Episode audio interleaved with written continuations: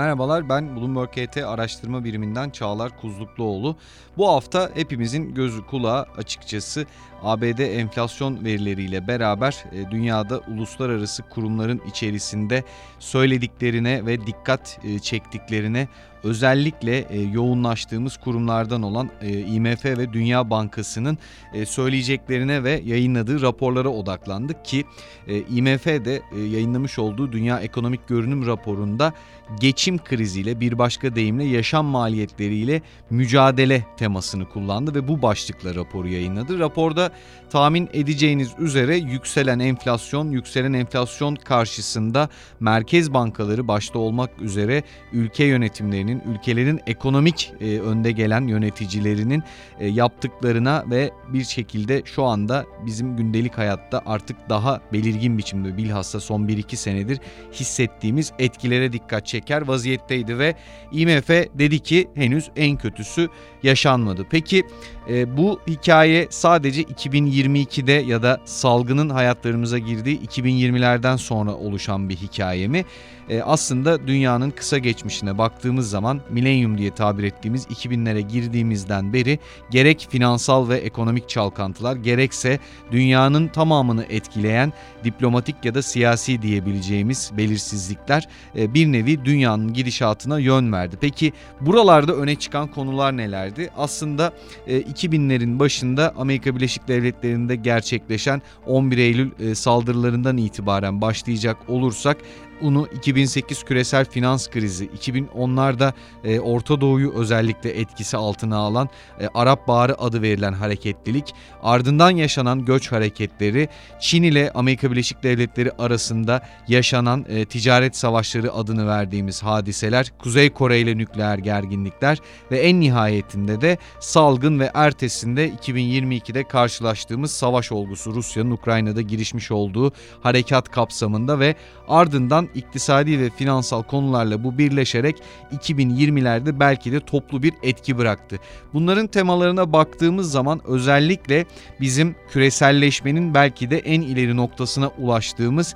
2000'lerin sonrasında gelişen olaylarda bir bölgeselleşme ve bölgesel bir takım çatışmalardan söz etmek mümkün. Bunu tabii ki sadece silahlı ya da stratejik bir takım unsurlar özelinde değil az önce ifade ettiğimiz gibi örneğin ticaret konusunda da görür vaziyetteyiz. Dolayısıyla burada rekabetin artması devletler arası ya da ülkelerin bir araya getirdiği Avrupa Birliği, NATO gibi kurumların e, birbirleriyle arasında geçen güç mücadeleleri olarak da nitelemek mümkün ki bunların son örneklerinden bir tanesi de örneğin Çin ile Amerika Birleşik Devletleri özelinde Tayvan hatta çip unsurunda yaşanan gelişmeler. Bunun haricinde özellikle son dönemde gerçekleşen seçim ajandalarına baktığımızda örneğin Almanya'da seçimlerin hemen sonrasında tüm Avrupa'yı etkisi altına alan enerji kriziyle ilgili özellikle siyasilerin bir meşguliyetini görür vaziyetteyiz. Amerika Birleşik Devletleri'nde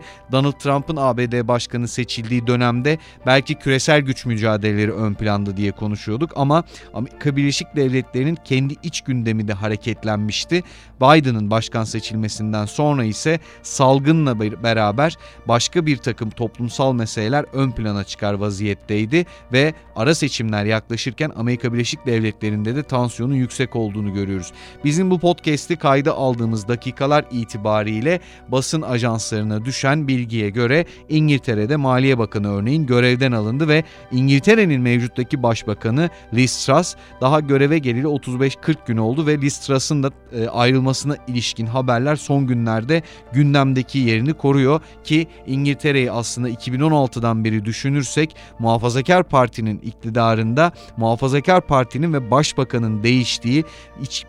iç gündemde e, yoğunlukla aslında gerilimin yüksek olduğu bir ülkeden konuşuyoruz. Brezilya'ya bakıyoruz. Brezilya'da Bolsonaro e, uzun dönemli 2003-2016 arasındaki İşçi Partisi iktidarının ardından bir geçiş dönemi sonrasında 2018 sonundaki seçimlerle göreve gelmişti ve 2019'da başladığı görevini açıkçası bilhassa salgın yönetimi konusunda düşünürsek ve Brezilya'nın ekonomik performansında özellikle düşen büyümeyi ele alırsak yine iç gündemin hareketli olduğu bir ülke. İtalya ve Fransa'da da benzer seçim sonuçlarını, benzer seçim süreçlerini takip ettik. IMF'in haricinde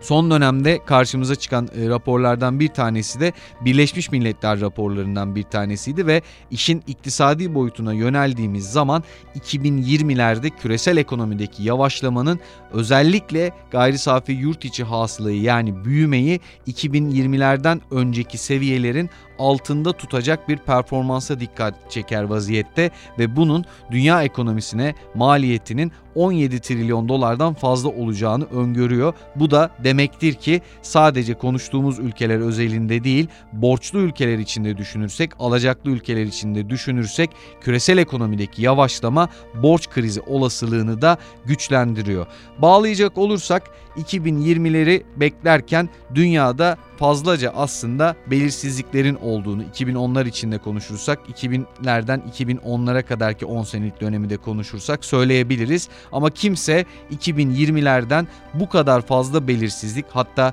küresel bir e, pandemi süreci, küresel bir salgın süreci beklemiyordu ama hem salgın hem savaş hem de iktisadi ve finansal olgular 2020'leri şu ana kadar yönlendiren ana unsurlar oldu. Görevdeki ve görevi devralacak hükümetler ve yönetimlerde görünen o ki en azından kısa vadede 2020'lerin ortalarına kadar bu gündemlerle meşgul olmaya ve ekonomiler ve toplumlar bu gündemler ekseninde biçimlenmeye devam edecekler.